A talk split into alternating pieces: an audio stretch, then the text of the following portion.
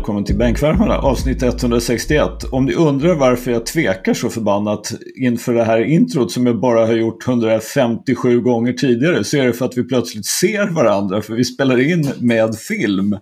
Och det är ju eh, helt sjukt att, att vi lyckas göra det med Boomer Nick som en av deltagarna och Addi som kom för sent som vanligt och Johansson vid spakarna och Lojsan med Enso i famnen och jag i min fars kök. Men eh, märkliga omständigheter alltså. Annars är det ju förstås så att ni förväntar er att jag ska vara lycklig som fan eftersom Lakers har blivit swept.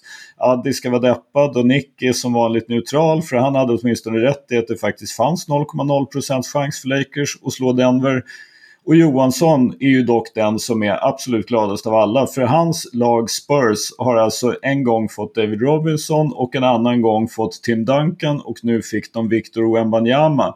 Johansson, förklara dig och försvara dig och tala om för oss hur fasen ni kunde ha sån flax. Alltså jag la ju en lagom mängd curse förra veckan tillsammans med inkompetens när jag sa att vi skulle få sjätte picken ungefär så. Du sa ju att ni skulle få sjunde och att ni skulle stasha Bobby Klintman i Europa i sju år. Ja, så det var lagom nivå. Jag fick, mängd, jag fick faktiskt mängder av grattis-sms under dagen. Mm -hmm. bland annat av storebror Nimmerstam. Men inte av lillebror Nimmerstam. Nej, nej, nej. Nej, lillebror Nimmerstam var bitter över att han måste se Spurs. Men storebror Nimmerstam, den snälla Nimmerstam, ja. Skickade ett grattis till mig. Alltså jag personligen är den an, an, faktiskt så är den åsikten att lillebror Nimmerstam är helt okej okay, han också. Addis, hur är det med dig? Det är bra tack. Det är, det är bra tack. Trots att eh, Lakers eh, flög ut ur eh, tredje rundan var det väl till slut. Ja, tredje ja. rundan. Ja. I conference finals. Du hann ju lagom tid innan byta lag. Mm. Innan fjärde matchen. Heat, heat Nation. heat Nation. morgonen, morgonen innan Lakers åker ut. Så, så gör det bara. Zombie nu byter jag. nu byter jag. Trott på dem sedan dag ett. Ja, nej, men det har växt fram under det här playoffset eftersom att de har slagit lag, förutom Bucks då, men de har ju ändå slagit liksom på ett anmärkningsvärt sätt liksom. Framförallt Boston. Du, alltså du gick ju faktiskt lite grann, alltså så i alla fall liksom hoppade du ombord på Butlerbåten faktiskt ganska tidigt. Det kan jag, det kan jag vittna om. Där, där var Addis, eh, han, han var på den. Jag antar att vi får ett födelsedagsquiz lite senare Addis. Mm. Det mm. får vi. Bra. Lojsan, hur är det med dig? Jo men det är bra. Jag har en liten på mig här men det går bra. Jag hoppas ju på att eh, hit eh, slår till med en till vinst så att jag får 2-2 rätt här. Det är ju så, när vi spelar in det här så är det alltså som vanligt tisdag kväll ungefär klockan kvart över åtta och hit möter Boston i fjärde matchen i natt. Så när vi spelar in det här vet inte vi hur det gick. Men Miami Heat leder ju tämligen as-sensationellt faktiskt med 3-0 i matcher. Nick, hur är det med dig? Jättebra. Uh, jättebra, varit jättetaggad att uh, spela in det här. Ni vet att jag gillar LeBron, men jag skiter i om jag ska vara ärlig. Golden State är inte med i spelet. Nu är alla vi vinnare. Alltså, oavsett hur det här slutar så kommer ingen bli besviken. Ni vet att det är så. Uh, så det är bara att sätta sig och njuta. Så jag tycker också det är kul att det går bra för vår podd. Jag har skrytit mycket på sociala medier, jag pratade om det förra avsnittet. Men jag tycker det är kul att jag förra veckan la ut ett inlägg där vi var plats 47 på Spotifys lista bland sportpoddarna. Idag var vi 27. Uh, eh, bollen är i rullning ordentligt. Jag tror inte att vi kommer sluta avancera utan jag tror att uh, något händer just nu. Jag tror att vi kommer bli jävligt stora. Vi har en bra, bra, ett bra fönster här att bli riktigt mainstream bland uh, och bli en av de största sportpoddarna i Sverige. Alltså jag driver inte. Jag är så jävla glad över det, hur det har gått för oss. Och jag är så jävla glad över att det händer saker nu efter eh, tre år liksom tillsammans. Onekligen så är det faktiskt ganska roligt och eh, lite, lite försiktigt sjukt också för den delen. Men, men eh, vi kan klappa oss själva lite till på ryggen så småningom, axeln och allt vad det är, när, när vi känner för det. Det är fritt fram i det här avsnittet. Men Addis, vad har vi för födelsedag? Först bara, visst har vi tre veckors streak utan att Nick har vunnit? Det har vi. Så att, Om vi tar en fjärde, kan vi kalla det för en födelsedagssweep då? ja, det, ja, faktiskt, det kan vi göra. Dynastin är eh, över. Dynastin är över. en kuriosa så här, om vi pratar The Curse. Vet ni vem då som slog ut mina norrortsgrabbar ur basketfestivalen? Icke. Odin Lindell. Är det. jag snackar med Odin, jag snackar med Odin. Han är så jävla skön där grabben alltså. Alltså, får, jag, får jag fråga en sak? Använde han paddelrack när han gjorde det? Eller vad, hur, hur gick det till? Nej, jag tror inte han behöver det. Men eh, Nej. ja. Han saknade ju en coach. ha- hade han koll på, Nick, hade han koll på att vi hade gett honom en födelsedags-shoutout? Jag, jag såg honom och bara du, du vet att eh, vi nämnde det i podden. Han bara ja, jag hörde det, jag hörde det. Han, var- han var ganska glad. ja. Ja, kör Addis. Så vi får chansen att läxa upp Nick fjärde veckan i rad. Sån, Ja. Sådana chanser kommer vi nog inte att få ofta. ja, nej men eh, det är ju en person, en herre som ni alla känner till. Han, fyller, han fyllde faktiskt igår 26 år. Och eh, ja, det är svårt, jag kan inte ge bort för mycket. Ni alla har honom väldigt nära till hands liksom. Ni, ni känner till den här personen. Men eh, 213 97, va? centimeter lång, 97, 108 alltså. kilo. Okej, jag vet, jag vet, jag vet. Simon Brigander, nej, han, han, han väger mer än 108 kilo. Nej, ingen eh, Simon Brigander. 213 97 alltså. och 108. Mm. 97 va? Vad hade vi mer för 97 i det la- i landslaget? Alltså, är, Nick Spires är ju äldre än så. Han är 94. Och Adam Ramstedt är väl 90... Det är inte Marcusson. 95 Ja. Men eh, vi, vänta, vänta. Vi söker Marcusson inte, är typ 216, 217. vi så han söker är inte nödvändigtvis efter en svensk. Ja, Nej, jag vill men det- bara. Ge oss nästa ledtråd då. Eh, ja, men nästa eh, ledtråd är att... eh, ja, vad skulle kunna det vara? Han blev vald sjua i draften. Oh! Sjua. Spelade Två på och tre. college. 213, 108. Men, DeAndre. Ayton. nej, han är ju etta i draften. Fel på båda. Spelade som sagt på college. Det gjorde han. Jag kan inte säga vilket, för då, då blir det kanske... Okej, jag, jag har. Jag, är det Bam Adebayo? Det är det icke. Det är det icke. Ah, 97 ja. Vad är det med mig? Kom igen, vakna. Då är det draften typ 2018, 2017. Vem var sjua 2017 som är lång? Vi har honom nära till hands. 26.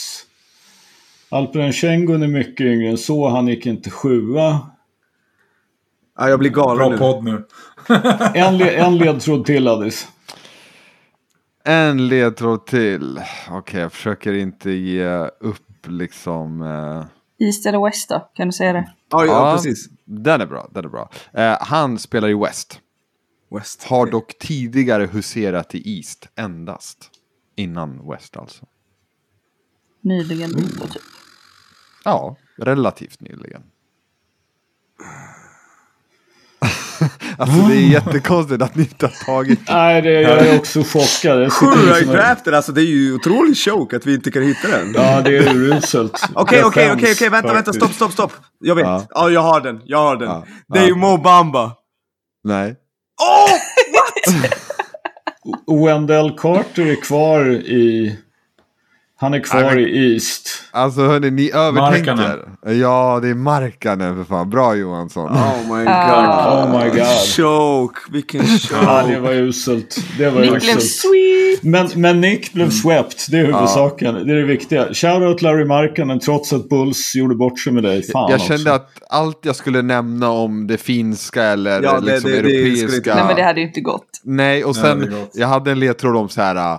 Eh, han är snabbast till, eh, vad var det, typ eh, 103 poängare eller något. Eh, ja, snabbaste Tre- spelaren att nå 103 poängare. Det är ju märkligt att det är han, by the way. Men ja, det är han. Eh, och då hade ni fattat, vem är 2,13 och skjuter Mm. tre poängare? Ja, Mm. Det är Markkanen. Ja, eh, ska vi gå då till... Det, det är ju faktiskt så här då att eh, det hände två saker i natt. För det första då att Denver vände ett 15 poängs underläge och slog ut Lakers med 4-0. Och det var, tyckte jag, nästan alltså det mest intressanta med den här matchen, det är att LeBron hade, om jag inte helt missminner mig, 30 i första halvlek. Han hade 21 i första korten. Och under hela andra halvlek så sitter två före detta coacher, Mark Jackson och Stan Van Gundy, och skriker på en 38-åring som gör sin 20 säsong. LeBron's gotta get in the paint. LeBron's gotta get in the post. LeBron's gotta guard Jokic. LeBron gotta go get the ball.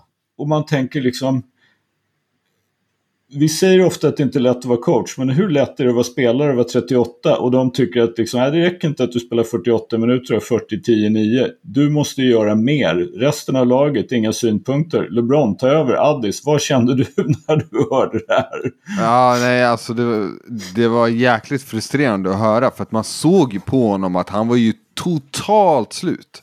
Alltså mm. i, an, mm. i andra halvlek, han, alltså, han var ju såg ju döende ut eh, i fjärde korten. Liksom. Jag, jag, tycker ju att han borde hitta tid eh, till honom i tredje i alla fall. De är uppe 15 i halvtid. Alltså, alltså, kan, kan det vara så att Ham eller att LeBron själv inte ville gå av? Liksom, var, för jag, jag, alltså, jag är fortfarande förvånad att han inte kan hitta liksom, några minuter alls. Som sagt när de är upp 15. Ja. Han ja, hittar jag... fyra sekunder när det liksom är fyra sekunder kvar av andra korten. That's ja. it. Ja, nej, jag håller med. Men ja, det var också sjukt att höra eh, Jeff och eh, Mark Jackson sitta och prata. Alltså, att, att hålla Jokic en match är ju ett heltidsjobb. Nu fattar jag att han höll ju inte honom hela matchen, men att göra det är ett heltidsjobb. Och de bara så här, gör det, men gör också det här. Bär hela Lakers offense. Alltså jag vet inte, det, men Mark ja. Jackson och eh, som sagt och Van Gundy. Jag har sagt till er, jag tycker inte att... Van Gundy är ganska rolig och han kan komma med lite mer input. Mark Jackson är bara kass. Jag är ledsen, han är kass. Han kan... Han kan inte basket och jag vet att det låter töntigt. Ja men vad är du? Du är en snubbe i Sverige. Han har ju liksom coachat i NBA. Och han har kommenterat på den hög, Han har spelat i 15 och spelat år typ. och varit, och varit bra på liksom att förstå spelet. Han var jävligt bra point guard i många år i NBA. Jag säger till er, den här mannen, han... Nej. Nej. Ni kommer inte få de allra bästa åsikterna där. Det kan jag fan garantera er. Ja, men jag tycker bara att det är konstigt att, att man inte alls har anpassat sig till en era av load management. Jag menar att, att alltså, där man ju liksom i flera år har pratat om hur bra är det för vilket lag det nu är LeBron har spelat för att LeBron snittar 39 minuter i januari. Alltså då, då är det ganska uppenbart att han säsong 20, alltså det, vi vet ju alla att det är så här enkelt. 1. Ingen har någonsin gjort en så här bra säsong när de är 38. LeBron själv har fel när han säger att han är bättre än 90 eller 95 procent av ligan. Jag skulle säga att liksom vi kan väl utan tvekan enas om att han är en av de 15 bästa spelarna i NBA idag. Och var ja, det som 30, att vara det som 30 och då har vi inte tagit i i alla fall. Då finns det liksom ingen hyperbole. Utan om någon ska komma tillbaka till oss med det, då har ni fel. Ni kan vända er till någon annan och diskutera det. Han men, är det. Men det är inte bara Punkt det. Slut hela det snacket kring LeBron liksom efter matchen. Säg allt om LeBron liksom. Han gör 40 poäng liksom i sin 20 säsong. Uh, 38 år gammal. Och folk I en conference final. I en conference finals. Ja. Och folk liksom uh, försöker ju demontera hans säsong. Alltså fattar ni? Vilken orimlig standard han hålls till. Hade det varit vem som helst annan för typ 20 år sedan han hade hyllats, alltså de hade, jag vet inte vad de har gjort, liksom, han hade fått gudstatus men LeBron lever inte i den eran. Och han, eh, ja, han kommer alltid vara den där polariserande atleten som har varit. Han hade den här mm. oturen att komma i sociala medier-eran.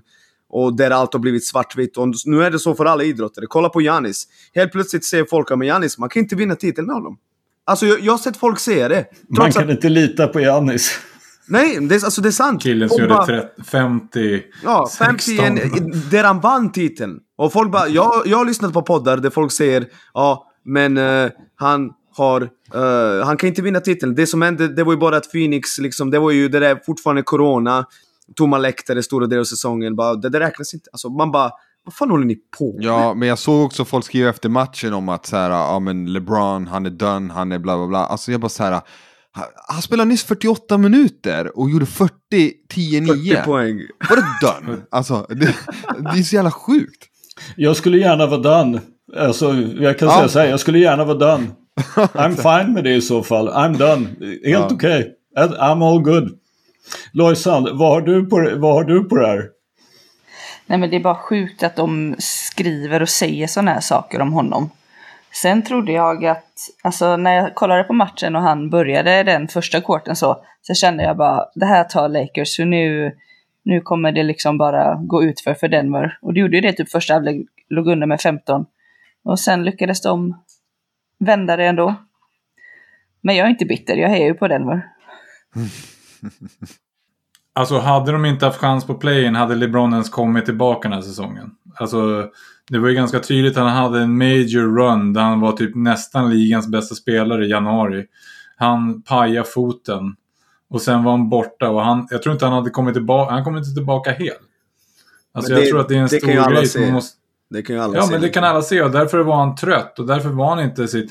Men att säga att han är washed nu, nej, han var bara inte hel och inte orkade. Alltså det är ju så här, Alltså, han kommer komma tillbaka nästa år och vara precis lika jävla bra. Alltså det, är- det är lite Stopp, löjligt. stopp, stopp! Han kanske ska retira vet du. Han sa efter matchen Ja. att han funderar på att lägga ner. Eh, Finns det, finns det ens 0,2% sannolikhet att han lämnar? Det kommer han inte göra. Han kommer komma tillbaka och spela flera år till. Jag tror också det, såklart. Men jag kan fatta också vad han känner efter matchen. Alltså han har 48 minuter i kroppen, har säkert ont överallt. Eh, besviken som... Eh, ja, hur besviken tror inte man är liksom. Det, jag fattar ju vart det kommer ifrån. Det är fler som har sagt så i stundens hetta efter sådana här matcher. Ja, vi får se liksom vad som händer. Eh, jag menar, Messi la av i landslaget 2012. Är det någon som minns det? Nej. Att han Missade straffet mot eh, Chile som flög Ja, över ribban. Exakt, missade straff mot Chile i eh, Copa America-final. La av i landslaget, kom tillbaka efter en månad. Man, man är lack, man är ju less liksom. Det, är- det är ju inte så konstigt tycker jag. Men alltså, sen, är, sen är det ju en sak till. Alltså, för det första, om nu LeBron skulle lägga av, då kommer han att få skit för det också. Men liksom, det, alltså, jag tror helt ärligt inte att det går att förstå. Alltså, och ni vet att jag inte är liksom den främste Le- LeBron-apologeten. Ni vet att jag drev lite grann häromdagen på Twitter om The Church of LeBron och allt det där. Men jag tror inte att det går att förstå vad som krävs att spela 20 säsonger på hans nivå, att vara under ett mikroskop typ 24-7 och göra allt det här för att vara i det fysiska skick han har varit i i 20 års tid och att klara av att vara mentalt så stark och så, alltså så fokuserad så länge. Och där han förmodligen också har satt en standard för sig själv. Att om jag inte kan göra det här på ett sätt som jag tycker är tillräckligt bra, då, då är det inte värt det. Och Så jag har 100% respekt för om han skulle lägga av. Jag tror som ni, jag tror att han kommer tillbaka ett år till. Men om man inte gör det så liksom, och får höra det här att han, ja, han lämnade som swept och han missade sina två sista skott och liksom, ej, han hade 40-10-9 i sin sista match i så fall i en konferensfinal. Ingen 38-åring har varit i närheten av att gå ut på det sättet, så please, ha lite realism. Liksom, lek inte någon slags dopad Van Gundy och Mark Jackson med barn. Liksom. Alltså det, nej, sluta. Det, en, en, hans första halvlek är ju faktiskt helt sanslös. Oberoende av ålder, oberoende av, av liksom någonting överhuvudtaget. Han till och med försöker slänga upp en lobb till Rui Hachimura och sänker en trea. Alltså det säger ju allt. Ja, den var helt sjuk. Korg, Men- korgen var stor som havet för honom i första halvlek. Men om jag vänder till det som Lojsan sa då. Jag var ändå typ inte orolig för Denvers skull. Alltså någonstans så känns det som att de har blivit en jävla maskin. De har blivit någonting som bara rullar på och till slut så när du är omringad av alla de här eh, Michael Porter Jr, Jamal Murray. De sätter skott. Alltså de, och de sätter stora skott och de kan gå på en 15-2 run bara sådär. Alltså det är de har blivit någonting som faktiskt är ganska speciellt med de här liksom... Eh, har, har de blivit det eller är det så att Nikola Jokic bara är insane spelare och att de har haft den här kontinuiteten och du kan stoppa i ganska många dudes runt Jokic just nu som håller hög nivå och kommer till finals. Alltså, Aaron Gordon var i Orlando. Alla tänkte på honom, ah, men det är ju han superatletiska snubben som aldrig riktigt blev, liksom, ja, förföljde sin potential. Nu spelar han i Denver och han känns som en fucking uh, poor man's Scottie Pippen stundtals liksom. Eller uh, ja, liksom Bruce Brown ser ut som en jävla gud. Kentavious Caldwell Pope ser ut som en av de bästa rollspelarna i NBA. Jag tycker att alla har blommat ut ordentligt. Och jag tycker att de får mycket gratis. Sen är det så att Murray och Porter är två spelare som kan sätta de här äckliga skotten man hade i ansiktet. Som är verkligen soul crushing. Det, det, det, kan de. Men jag har en känsla av att ja, hela det där gänget plus Carl Anthony Towns, de vinner 34 matcher typ. Okej, okay, kanske inte 34, men typ 41 match på hela säsongen. Jag kan verkligen se det alltså. Ja. Men, men det är sådana här saker som jag som... Eh, alltså, många pratar om Michael Porter Jr. och hans liksom, förmåga att sätta bollen. Och det som man ser, och man ser hur det här hur ett lag utvecklas under framförallt ett slutspel när man spelar mycket tajtare. En, en, en grej som jag har tänkt på det är att Michael Porter Jr har gått från att bara vara en sån, får han en pass och skjuter han. Enda gången han släpper bollen det är genom ett skott. Nu hade han sex assist förra matchen och han gjorde de här automatiska såna här kickarna åt sidan till en annan skytt. Och det är en sån utveckling som gör att ett lag mår bra. Förstår vad jag menar? Den här osjälviskheten som då till exempel Jokic och de här har. Den smittar ju av sig på sådana och då blir det speciellt.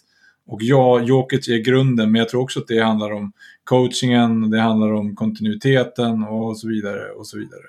Alltså jag såg någonstans att eh, Michael, förlåt Skölden, att Michael Porters career high assist var 6 assist. Jag tror inte ni fattar hur svårt det är att vara en spelare på position 2 i NBA. Du spelar flera år i NBA, du spelar alltid runt 20-30 minuter, du har aldrig slagit över 6 eller 5 assist i din hela karriär liksom. Han, han vägrar passa bollen den mannen, men nu, nu som du ser, han kanske har anpassat sig och kan tänka sig passa lite i alla fall. Men alltså det är, det är ju ändå en, en, alltså en, en Jokic-grej tycker jag. Det är ju det att de ser ju aldrig helt och hållet liksom ur ordning. De, de hittar alltid någonting. De kan spela dåligt ett par anfall och ett par defensiva possessions sådär. Men alltså ganska omgående sen så hittar de ett bra skott. Och det är ju i grund och botten förstås Jokic. För Jokic är lite grann som Curry. Han drar ju på sig bevakning. Alltså du måste spela försvar på ett visst sätt och han är en av de bästa passarna någonsin. Så han hittar ju folk och det vet man ju som försvarare och det här att alltid titta sig över axeln, det är ju rätt jobbigt. Alltså, så det, det är klart att Jokic i grunden, men jag, jag, tror precis som Johansson, de har utvecklat någonting och de har en, en Alltså de har en mental styrka. Det är ju rätt stort också bara i, i förra rundan att stå emot när Kevin Durant och Devin Booker sätter allt och gör vad var det, 86 poäng i ena matchen och 74 eller 72 eller någonting i den andra. Och sen så tar de bara två matcher i rad. Alltså det, det, det är ju någonting med dem faktiskt. Som, som eh, Ja. Men låt oss gå vidare. Alltså, visst, vi begraver Lakers säsong. Tack för allt. Addis, du hade rätt. De var på allvar. Du kommer inte få 2000 kronor som du skulle fått ifall de hade vunnit titeln. Uh, Denver är för jävla bra. De har blivit en maskin. Uh, de verkar vara redo att gå hela vägen. Men vi måste gå vidare och prata fucking Jimmy Butler. För där, mina damer och herrar. Ju, alltså, du vet, jag tänker på det här. Mina största flops är ju Luka Doncic som jag sa skulle bli uh, en väldigt bra spelare i NBA och All-Star men inte skulle bli något alldeles speciellt. En blandning, av Paul, en blandning av Paul Pierce och uh, Manu, Manu Ginobili. Ginobili. Och också LaMelo Ball som jag sa inte ens skulle komma till NBA. Det är de mina... Men! Jag tycker att den största missen är Jimmy Butler. För skillnaden mellan Doncic och LaMelo jämfört med Butler är att där visste ju inte riktigt vad de hade. De hade aldrig spelat i NBA. Och då är det lätt att spekulera. Vi har sett Butler vara så jävla bra och ändå vägrade man erkänna. Och nu efter så många år att han har varit så sjukt bra. Man kan inte säga annat än att man är en pajas. Jag har varit en pajas liksom. Jag, jag skäms inte över att säga det. Jag varit dum. Jag varit en pajas.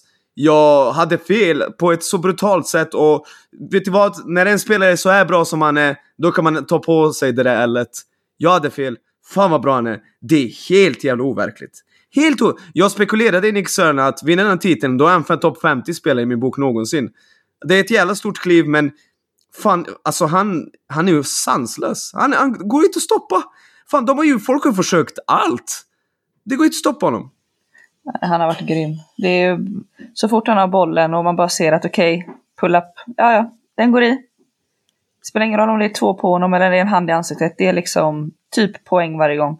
Han är verkligen äh, har gjort ett Men fantastiskt tänk, slutspel. tänk, tänk en spelare som Grant Williams, alltså han ser ju kraftig ut. Alltså han ser riktigt köttig ut. Han studsar ju från Jimmy Butler som en liten docka liksom. Alltså man bara, hur stark är Jimmy Butler? Jag tror inte vi kan förstå liksom, utan man måste spela en match mot honom. För att han tar sig precis vart han vill. Och han är så bra på att använda sin kropp för att göra det liksom. Han, han flyttar på de allra bästa basketatleterna i världen hur lätt som helst. Han är, han är sjuk. Sjuk! Han har löst koden. Ja, Jag är, jag, är team, jag är team Addis. Vinner Miami så ställer vi in grundserien från och med nu.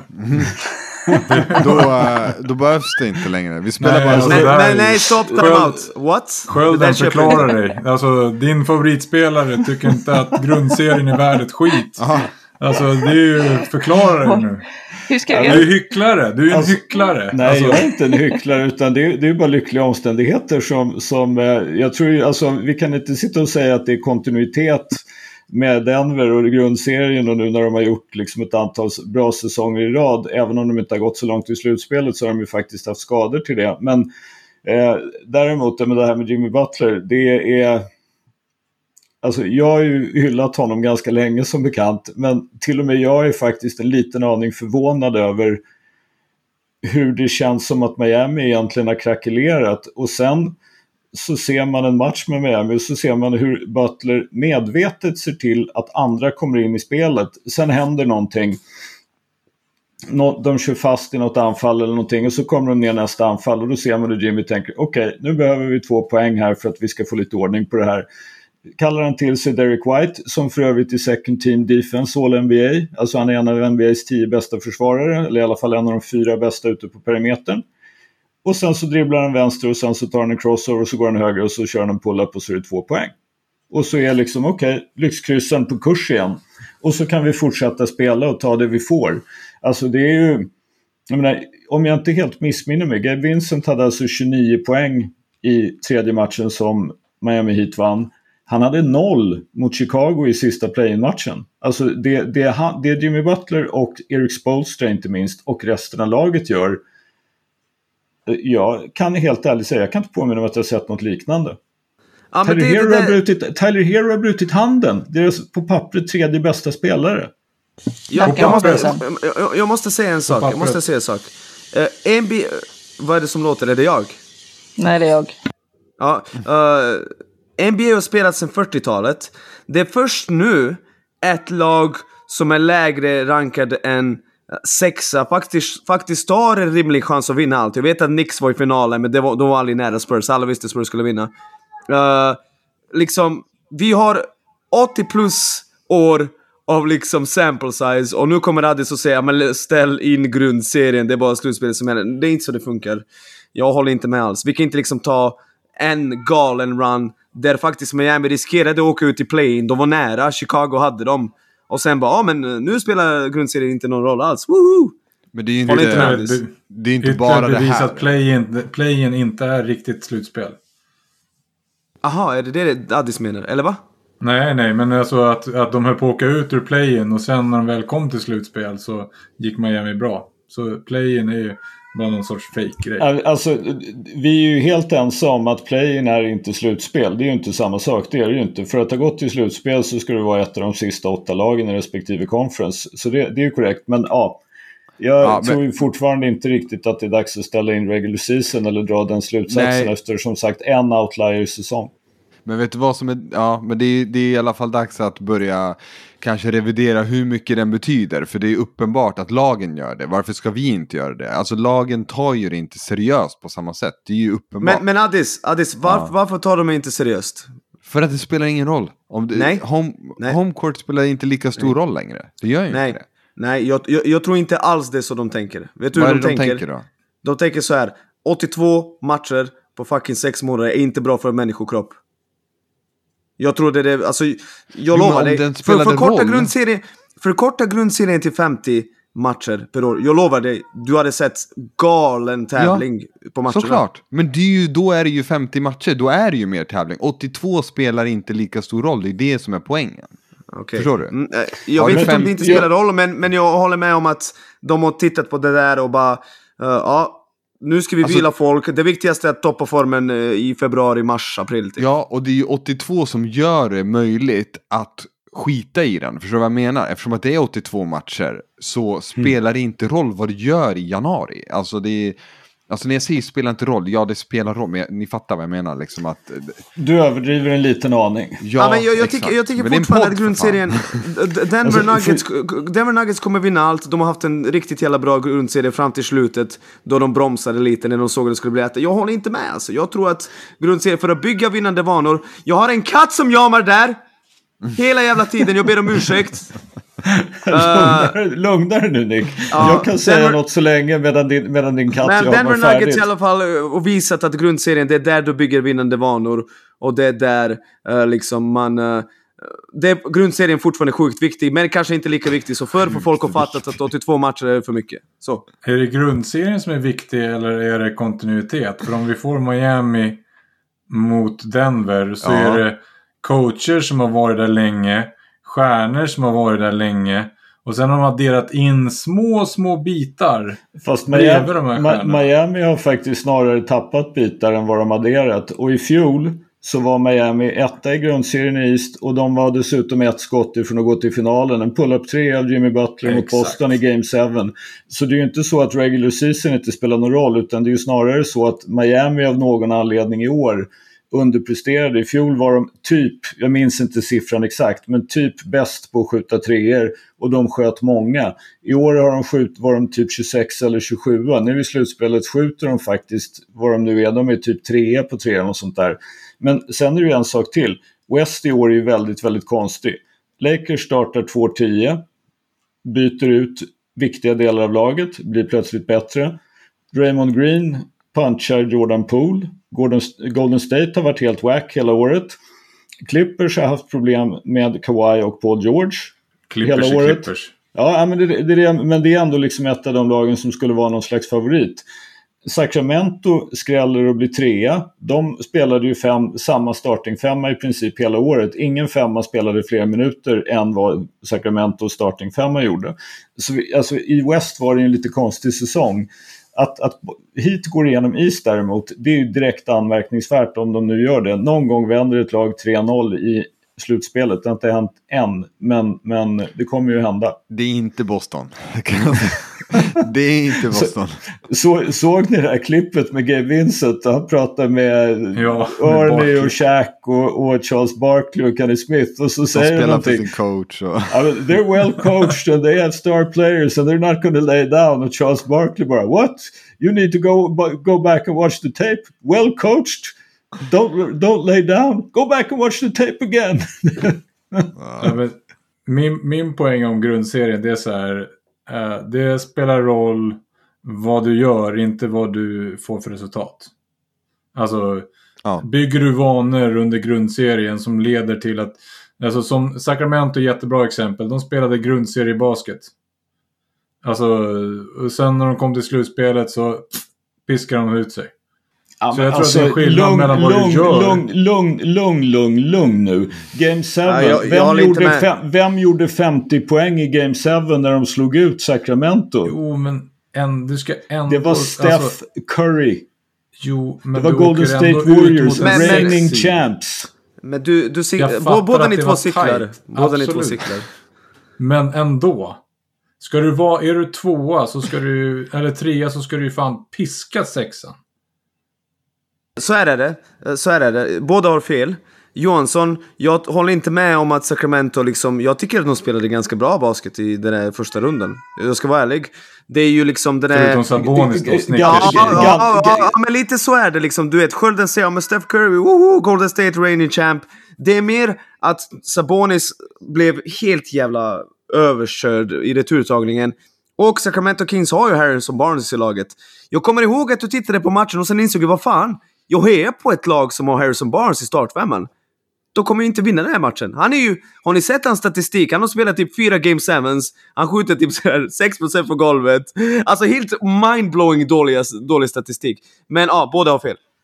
Nej, det har vi sannerligen inte. För Steph Curry gjorde 50 poäng i Game 7 mot Sacramento. Det är ni som cyklar Okej. båda två. Det var Okej, dessutom den bästa första rundan av alla. Alltså om Okej, vi ni, kan ta- att, att vi ni ta sitter och dissar Sacramento för att de gjorde en Jag dålig slutspelsserie. Johansson gör Alltså det. sluta. Jag har sett Du dissar jättemycket Du- Sacramento under det här året. Okej, jag kan ta bort Sacramento i diskussioner och kalla det Utah-fallet. Så, vi, Utah genom alla år. Grundserie, slutspel. Om Mm. jag säger så då. Om vi, om, vi tar, om vi tar, det finns vissa spelare som du säger, vi sa Sabonis nu. Julius Randle på andra sidan. Grundserien passar bättre än slutspelet, för slutspelet blir en annan fokus och man tar bort svagheter. Det finns en skillnad mellan vad du gör under grundserien för att vara förberedd till slut. Jag kan garantera att Spolstra coachar skiten ur dem på träningar, scouting rooms för att göra just, de justeringar som de gör nu. Jag tror inte att alla lag gör så. Det är därför tror jag att de, Miami, kan lyckas bättre än de som bara... Bud. Som hamnar i slutspel. Vi, vi måste shouta Spolstra. Han är ju NBA's... eh, Jag vill Bästa. inte säga i särklass bästa tränare, men han är ju den bästa tränaren liksom. Han är bästa. Eh, och eh, det är det som gör att jag inte riktigt kan se Denver som riktiga favoriter mot Miami. För jag tror att Spo kan göra kaos med Malone. det, det är fullt möjligt, för han gör kaos med alla. Alltså fattar ni att Miami är 7-1, 7-1 mot Boston och, Bucks två bästa lag inom citationstecken inför slutspelet så många. De är 7-1, de har ju sopat mattan med två bästa lag i NBA. Helt sjukt. Spo och Butler, sju kombination alltså. Jo, det, det är onekligen så. Man måste ju också säga det att det är ju inte bara det att Spo är en bra coach utan han och staben är ju bra på att utveckla spelare. Sju odraftade spelare i truppen och fyra av de sju som spelar mest är odraftade. Så det, och, och som sagt, bara en sån sak. Duncan Robinson sitter left for dead på bänken en hel säsong. När det är slutspel så ser han liksom kuttar han, tar bollen till korgen och skickar allihop till Bam Adebayo. Han som inte liksom sköt en enda tvåa per match typ hela förra säsongen. Det, ja, som sagt, Miami Heat, mycket, mycket speciellt det de gör utan någon som helst tvekan. Eh, jag föreslår att vi rör oss vidare från det här och så att vi får ju tid på oss för finalen börjar, vi hinner ett avsnitt till innan finalen börjar mellan vilka det nu blir, Denver och ett lag till. Men eh, vi har ju också det här med draften och att det var så att Spurs vann lotteriet. Och ska man säga någonting utöver det så att de då får möjligheten att drafta Wembanyama så får man väl säga också att Detroit Pistons hade lite oflyt för de var sämst men fick bara femte picken. Eh, vad säger du Johansson? Du ser lite grann ut som du går på mål. Du sitter bara och flinar. Men det är klart som fan, det här är ju någonstans priset som alla ville ha. Erkänn, Mm. alla Ja, ville ha det här. Alla suktade efter det. Och det var tre år sedan som jag satt i den här podden och sa att Spurs borde tanka. Och de tankade ett år. Ett år! Hör du Ahlberg? Det var ingen jävla the process. Ett år! Å andra sidan, vi- the process startar nu. Precis, men eh, jag, nu börjar jag bli rädd för att jag håller på att jinxa att han kommer gå sönder eller någonting. Så nu vet jag inte vad jag Men, Johansson, säga. en fråga då. Om du, Ja. säg att du ledde Spurs nu, du är, eh, är det Buford eller vem är det som? Han är, de har ju någon general manager men Buford är ju någon slags... Ja, han är kvar hur som helst. Den som leder Spurs nu, du, du är den personen. Finns det någonting du tradar Wembanyama för? I så fall vad? Jag vet inte fan jag gör det. Chet Alltså, det Holmgren och alla deras picks. Nej. Tjej och Never. alla deras picks. Nej. Tjej och Chet Holmgren. Ja men då måste man, man, eller? skulle man titta på, skulle man titta på Jokic kanske? Mm. Ja. Jo. Tar du Jokic mot uh, Wemby idag? ja, det gör jag nog. Jag, jag gör inte det. Jag gör inte det, för, för du, du har ju The Promise. Jag såg någonstans att Spurs värde ökade med 500 miljoner. Alltså, eh, alla vinner något otroligt bara på The Promise. Sen, eh, sen är det så att eh, jag hörde ett bra uttryck från Henrik Sonko, Borås tränare. Ball finds energy. Bollen hittar i de här 50-50 situationerna laget som har bäst inställning, som kämpar mest. Det är bara så det är. Ping pong balls i lotteriet hittar lag och klubbar som har Hittar lag som tankar rätt. di- nej, nej, lag som fucking har haft dignitet. För Spurs har spelat med dignitet. De går till tanking bara när det verkligen inte finns några alternativ. De har verkligen försökt vinna, de har försökt utveckla spelare. De förtjänar det här. Jag gillar inte Spurs, jag tycker de är sluta tråkiga. förtjänar. Ja, jag, jag är helt seriös. Fortsätt, fortsätt! Nej men de förtjänar ju. Fram till förra året så försökte de verkligen vinna. Trots att de inte hade ett bra lag. Och sen i sista, liksom nu var det liksom okej vi har inte dudes, vi skickar Murray. Nu går vi all in. Jag tycker det är helt rätt att pingpongbollarna hittar dem. Jag tycker det. Och jag, jag vi- gillar inte Spurs, de är tråkiga. Men, Ja, men förtjänar är ju ganska starkt ändå. Som att det, liksom, Men De jag, jag har en helt... Jag har en energy! helt Ball jag har en helt- energy. Jag har en helt annan fråga till Johansson. Spurs har ju en massa picks och sen så har de ju cap space. Så de kan ju i princip liksom faktiskt trada ett par picks och liksom någon, inkom, någon, här, någon spelare som inte betyder något. Och ta in en spelare i, liksom i cap space. De måste inte ha löner som matchar, vilket ju annars brukar vara ett problem när man ska trada för stjärnor om man liksom bara har picks. Eh, Alltså Säg att du har en snubbe, en, en, en 35 miljoner snubbe. Liksom, vill du ha en 35 miljoner snubbe eller vill du ha en 15 och en 20 och så gör ni er av med... Alltså ni har, ju, ni har ju några bra picks och ni har några som kanske inte är lika bra. Eh, från, som ni har fått från trades från Chicago, Atlanta och allt vad det är. Men ni har ju några som är bra. Jag har för mig att ni har 10 extra picks eller något sånt där på de kommande sju åren eller någonting. Utöver alla egna. Tack Atlanta. Nej men... Eh, alltså det, jag tycker man måste ju ändå ha någon sorts eh, den här... Fan, det måste få ta lite tid. Alltså det måste få ta lite tid. Det, alltså han kan inte kliva in... Hur många kliver in rakt i NBA som liksom... Eh, och kan göra en, en sån på, så pass stor påverkan direkt. Jag tror att... Jag skulle hellre signa några eh, veteraner som man tror kan hjälpa med kulturen ett tag. Jo, men det är ju, ja, det ena utesluter ju det andra i och för sig. Nej. Men, ja, men jag, jag hör dig. Jag skulle inte gå efter Kyrie om vi säger så. Kyrie och? Draymond. Ja Morant då? Va? Morant Draymond. Ja, Ja Morant, Dylan Brooks, Draymond Green. Let's go. Dream Jesus team. Christ. Ta, ta, ta, ta tillbaka Dion Waiters och J.R. Smith på uh, veteran minimum också. Så det blir Ja, liksom ja. riktigt bra. God Precis. stämning i omklädningsrummet. Alla pappskallar vi kan hitta och sen ser vi. Fördelen med det, det är att pop kommer sluta då. Wow, vilken diss! Oh. Har du, har du inte Jo, lärt men- dig någonting av Pat Riley-grejen? Ja, dis, dissade ju Greg Popovich och Pat Riley back-to-back i början av bänkvärmarna 2020. Hey, lita det på har de här grabbarna, de kan sin nu. grej. Har ni hört ryktena som börjar gå nu?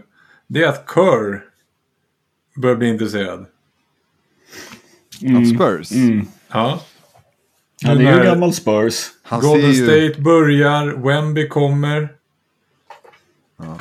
Läge, lä, Steph. läge att ta över efter Pop. Ja.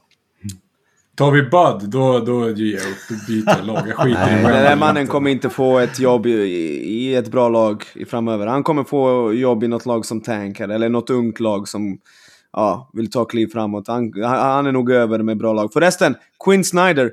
Hade han bara väntat två månader till hade han kunnat välja om han vill coacha Boston eller med, eh, Milwaukee. Istället Han- tog han Atlanta Hawks och fucking Deontay Murray och Trey Young. Fy fan alltså. I Mudoka då? Det, Alltså, han, gick, ja, han tog ju just den. jo men... Jo, men jag, alltså, jag, jag, kan tänka, jag kan tänka mig att Udoka tänkte att liksom, vem vet vad som händer? Alltså det är kanske säkrast att se till att ta ett jobb. Ja. Han, Och det, då, ja, jag läste ju att han också, när han tog jobbet så eh, hade han i princip fått sagt till sig att Harden är klar. Liksom. Så att, ehm, ja, de Men va? vara helt Då, då, då borde han tackat nej ju. Mm. Ville de skrämma bort honom? Nej, men de, de kommer ju ändå inte till slutspel, så det spelar ingen roll. Ja, vi, Exakt. vi, vi, går, var vi, galen. vi, vi, vi går till nästa ämne. Vi går till nästa ämne. Absolut. Det är ju så här, nu efter, efter då att Nick klappade hela bänkvärmarna på axeln så tänkte jag faktiskt klappa mig själv en liten aning på axeln. Det är alltså så att igår, för det var väl igår, så meddelades det att Expressen och Bonnier News, som äger en massa lokaltidningar nu för tiden, har köpt rättigheterna till SPL och ska visa SPL här i fem års tid. Så de kommer att sända alla matcher antingen på, antingen kan du se det om du har en prenumeration på någon av lokaltidningarna eller så kan du se det genom att köpa en prenumeration Premium Max har jag för mig att det heter på Expressen. Och det här var ju i princip den deal som fanns på bordet 2014 när jag fortfarande jobbade på Expressen var inte involverat men lokaltidningarna var involverade. Som, det fanns i princip den dealen på bordet men det var en och annan klubb i SPL som inte ville gå med på det här och sen har de kört sina egna sändningar i nio år. Men nu är vi faktiskt framme vid att, att eh, en idé som jag jobbade för som fan på Basketförbundet blir förverkligad och kanske till och med lite bättre eftersom man får rikstäckande muskler bakom i och med Expressen.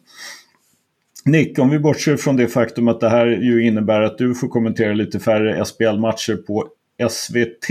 Vad tycker du? Det, det, vet vi dock inte än. För att jag tror att, eh, som jag har förstått det så kommer det bli...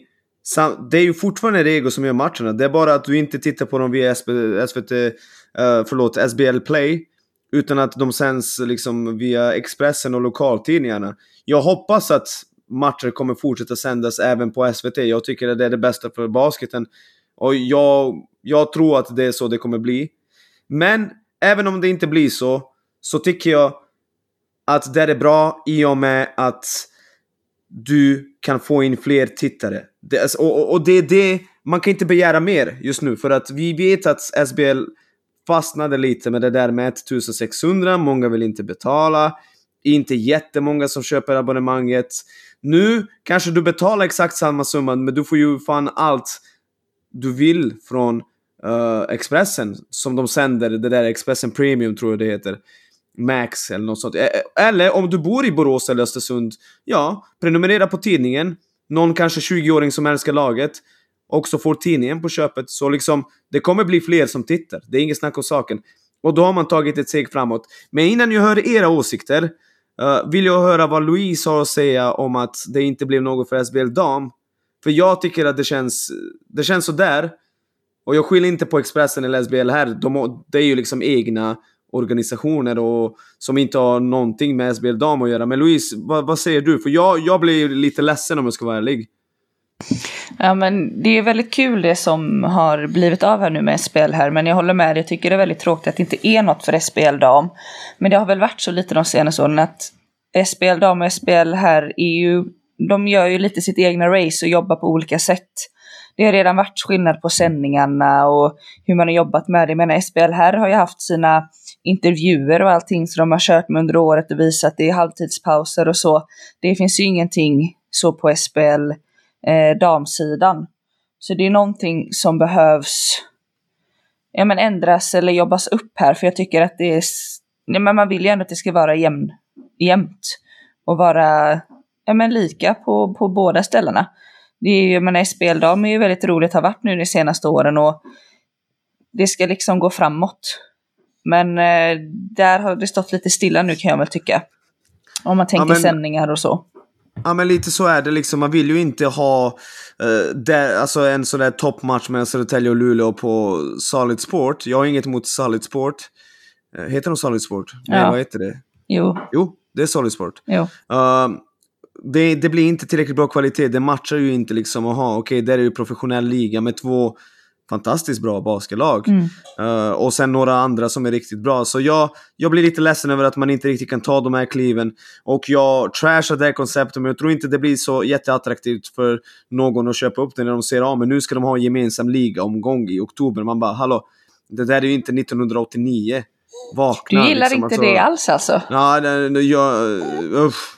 1992 Nick, inte 1989. Ja, 92. Men vadå Louise, du har inget emot det konceptet då, eller vadå? Nej, jag tycker det, det är ett roligt koncept. Att det, det kommer vara hela helgen. Det kommer ju börja på lördagen och vara ja, men media grejer och så. Och sen så spelas det matcher på söndagen. Och jag menar, du, det kanske är som du säger, det kanske blir katastrof. Det kanske inte alls blir bra. Men då har man i alla fall testat någonting. Det, det är lite det jag känner just nu, att det behövs komma lite nya idéer. Och om man aldrig vågar testa så vet man inte om det funkar heller. Men Louise, man har ju testat det här hundra gånger om. Det funkar aldrig. det är det som är grejen. Man har ju kört det förut. jo, men då spelar man också på två, på två dagar. Nu spelar alla på samma dag. Och det tror jag kan vara skillnad. Hoppas du har rätt. Jag är nästan 1000% säker att det kommer bli precis som innan. Det blir inget fiasko, men det blir ju så att Södertälje har liksom match på hemmaplan. Många förlorar ju pengar på att ta sig dit. Alltså, jag ser inte poängen. Det kostar ju jättemycket för Luleå att göra det här. Det är ju liksom 100 000 som ryker. Ja. Okej, inte 100 000, men 80 000. Jag struntar i det där liksom startkonceptet. Däremot så är ju, är ju det intressanta skulle jag säga ändå att eh, på något sätt så öppnar det ju lite grann för det som är mest intressant med det spel här gör tycker jag, det är ju att man får så att säga en kommersiell partner som vill tjäna pengar på det här. Och det innebär att de kommer att försöka tjäna pengar. De kommer att ge basketen väsentligt mer uppmärksamhet än vad de gör idag, för annars är det ingen poäng med att köpa in den här rättigheten. Och förhoppningsvis då så spiller ju det här över på damerna. Ser man att eh, det fungerar flera spel här och man så att säga ska utvidga, ja men då är ju liksom damerna nästa steg. Och det, är ju sam det finns ju samma lokaltidningar tillgängliga. Jag är lite osäker på om Expressen kommer att tycka att det är meningsfullt att sända spel dam på riksnivå än på ett litet tag. Däremot är jag 100% säker på att det finns lokaltidningar som gärna skulle sända spel dam idag. Alltså till exempel Luleå skulle ju kunna göra det rakt av. Det är ju inga som helst problem. Så jag, jag, är ju, jag är ju förstås, eftersom det här är liksom någonting jag har trott på i 10-12 års tid, så är jag otroligt positiv till att det här händer och att förhoppningsvis tar det bara lite längre tid för SBL dam, men så småningom händer det där också. Varför tror du inte att de vill sända SPL dam då? Därför att man än så länge fortfarande är bekväm och inte riktigt har förstått konceptet Invest in Women och att det, så att, säga, att det är en bra rättighet och att det är en bra sport. Det, det är därför jag tror att det kommer att ta lite tid. Vi hoppas vi kan prove them wrong. Det här är ju jättebra nyhet. Alltså i grunden så är det ju det. Det är ju, fan nu händer det ju grejer. Det, eh, SVT har varit grymma på att sända otroligt mycket basket än så länge. Och det var ju ett tag där man, jag tyckte fan man aldrig slapp nick. alltså, det var ju liksom nästan varannan dag kändes som, eller varje dag som det var någon match. Och, jag menar, vi måste ju mot det här hållet. Vi måste ju någonstans öppna upp mer. Nu fattar jag att det blir en månadskostnad istället för liksom 1600 spänn. Men du får ju som sagt mycket mer. Och så, jag, jag tror att vi är på väg. Alltså, det börjar märkas. Det, det märks hos oss. Hur, mm. vilka, hur vi klättrar på listorna. Det märks hur mycket mer som sänds. Det märks hur mycket mer som pratas. Basketen är på väg på rätt jävla sätt. Och nu är det bara frågan vilka som hoppar på tåget tillräckligt tidigt för att mm. fånga upp skiten medan vi fortfarande innan vi har stuckit iväg.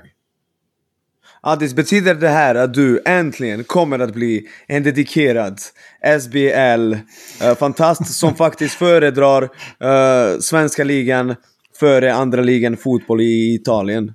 Innan du svarar Addis, låt, låt, låt, mig, låt mig bryta in. Vad kommer ja. att hända först? As, Addis joins the Church of SBL. Jag joinar the Church of LeBron. Vad kommer att hända först? det är en fråga värd att skicka ut till våra lyssnare. Ja. Den är... Nej, men, eh, jag har ju prenumeration på UNT som kommer att sända alla Uppsalas matcher. Perfekt ju. Eh, så att eh, de kommer jag ju titta på vid tillfälle. Uppsala-kollen till hösten då.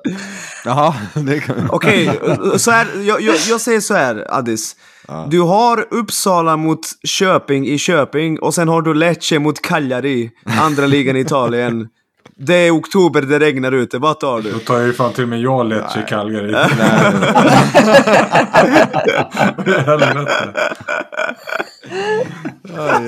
Jag vet inte ens vilka det är. Det låter som maträtter, men jag tar dem ändå. Låter som jävla desserter. Gott. Ja. Nej, men jag, jag, jag tar Uppsala. Som sagt, eh, jag har bra prioriteringar. Men jag konsumerar så, så mycket sport att det är svårt att hinna med. Det är inte för att det är inte av ointresse. Mannen, du driver en basketpodd. Du bara ah, mitt, mitt schema är tufft. Jag måste få in lite fotbollspoddar där också liksom. Ah, fy fan, det är Jag svårt, måste alltså. jobba! ja, exakt. Har, jag har lite andra grejer för mig också. Men eh, visst, eh, jag kan klämma in lite mer svensk basket. Men det blir ju på bekostnad av NBA. Då blir jag ju min, har mindre koll där och ja, du vet, det är svårt. Där. Och framförallt så blir det ju mindre tid för Europa. För nu är det faktiskt dags, Addis, att eh, klämma i med Marseljäsen. Är det inte så? Jag tänker att de som, eh, de som vet förstår precis vad som ska hända nu.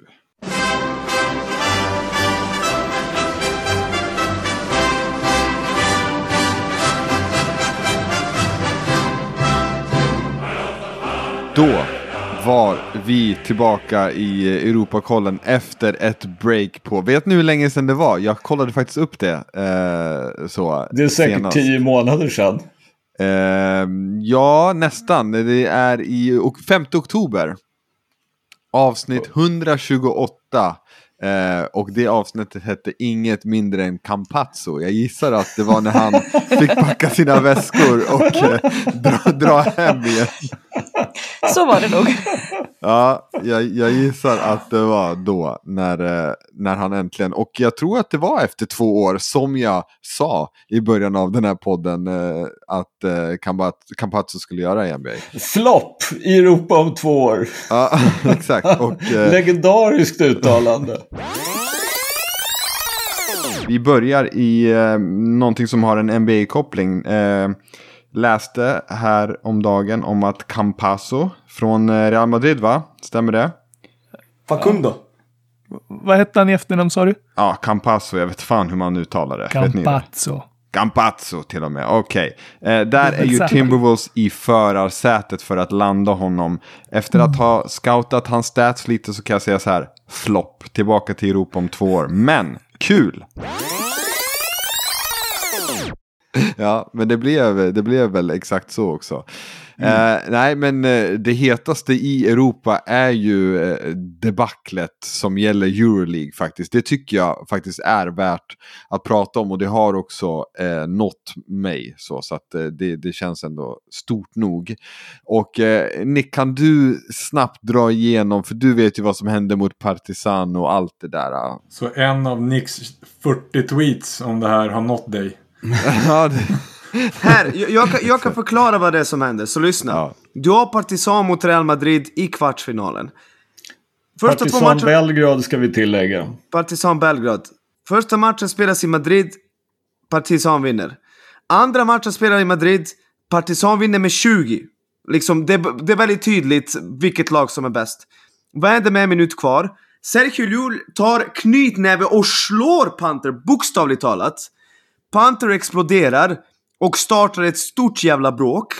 Och det blir slagsmål på flera olika håll. Jab Gershon Jabusele från, från Real Madrid kommer, tar Dante Exum som ni minns från NBA och gör värsta brottargreppet som jag säger till er så här. Han kunde ju dödat honom. Alltså det där är på allvar. Det där är inte liksom ett skämt. Han kommer, Exum vet inte att Jabusele är bakifrån. Han kommer och slammar honom på golvet som ni ser i WWE, i wrestling i USA. Och vet ni vad som händer då? Panther får sitta två matcher medan Sebuzele som försökte avrätta någon och faktiskt skadade Exum, Exum skadade sin fot, får fem. Jag ser inte någon logik i det. Sen är det så här, matchen flyttas till Belgrad och först vinner Real Madrid match tre i typ sista sekunden, eller 10 sekunder innan matchen så sätter, vad heter han, Nigel Hayes eller något sånt. Skitsamma, han sätter en trea. Sen vinner de även en tight match 4. Och sen i match 5 när alla är tillbaka, då leder Partizan igen med 18 i andra halvan och sen kollapsar och förlorar. Men alla fattar, alla som såg den här serien vet att när båda lagen har fulla trupper, Partizan Belgrad är klart bättre. Så jag säger till er så här. jag tror inte det finns någon konspiration från Real Madrid. De satt där och bara ja nu fan ska vi se till att Real Madrid går vidare.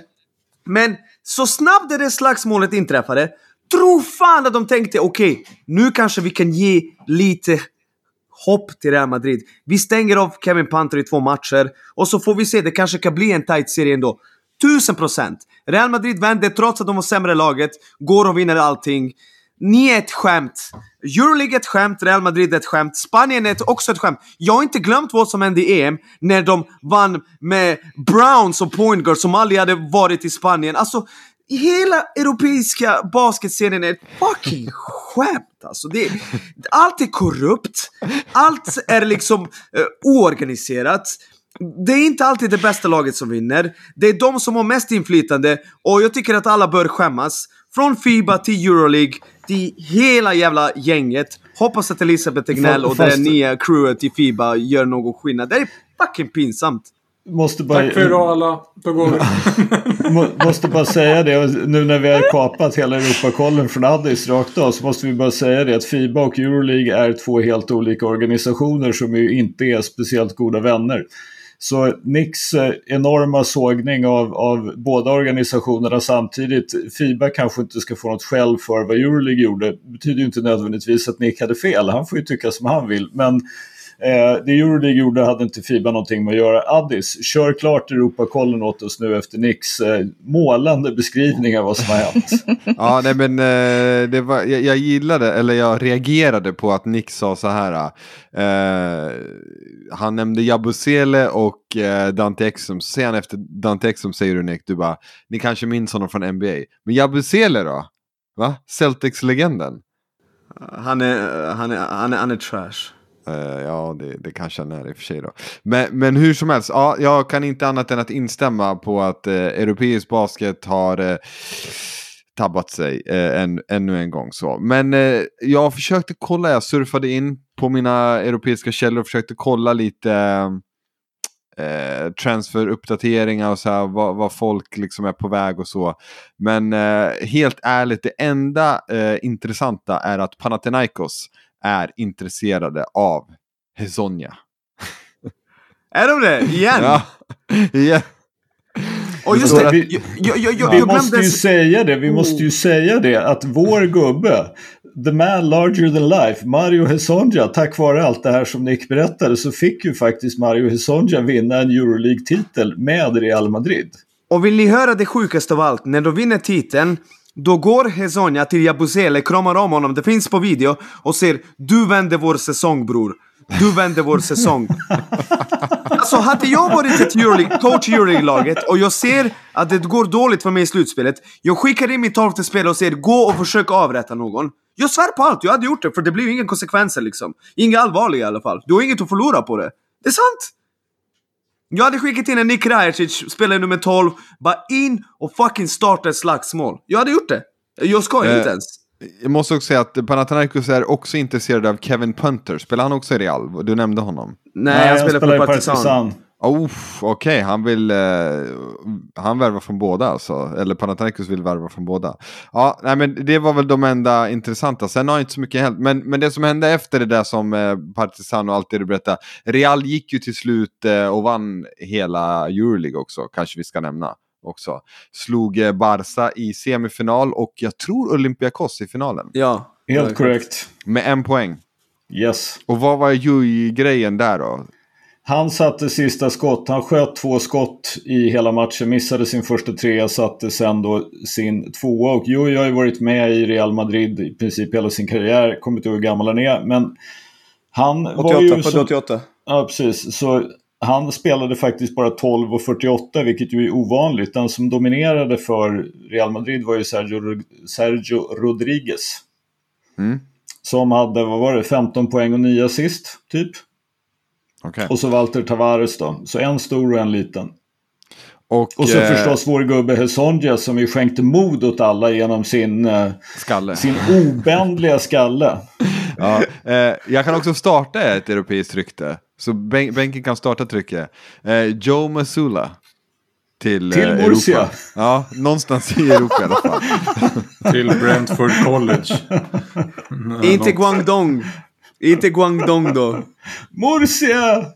Alltså jag såg en intervju med, med Second Row Joe efter den här matchen. Alltså, när han försökte ta på sig skulden för allt det här. Liksom, ett sånt Mio. Han såg så jävla lost ut.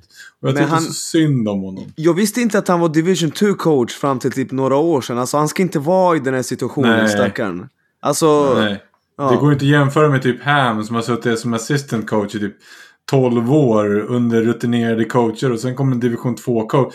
Alltså second row betyder ju att du inte sitter på vanliga bänken, du sitter ju en rad bakom. Du har inte ens varit assistant coach, du har ju typ varit... Scout jag typ. Vet. Ja, men ja. typ vattenpojk. Nej, men, ja. alltså, du har inte varit bra. Köpa donuts. Köpa donuts. Ja, typ. Alltså det är ju...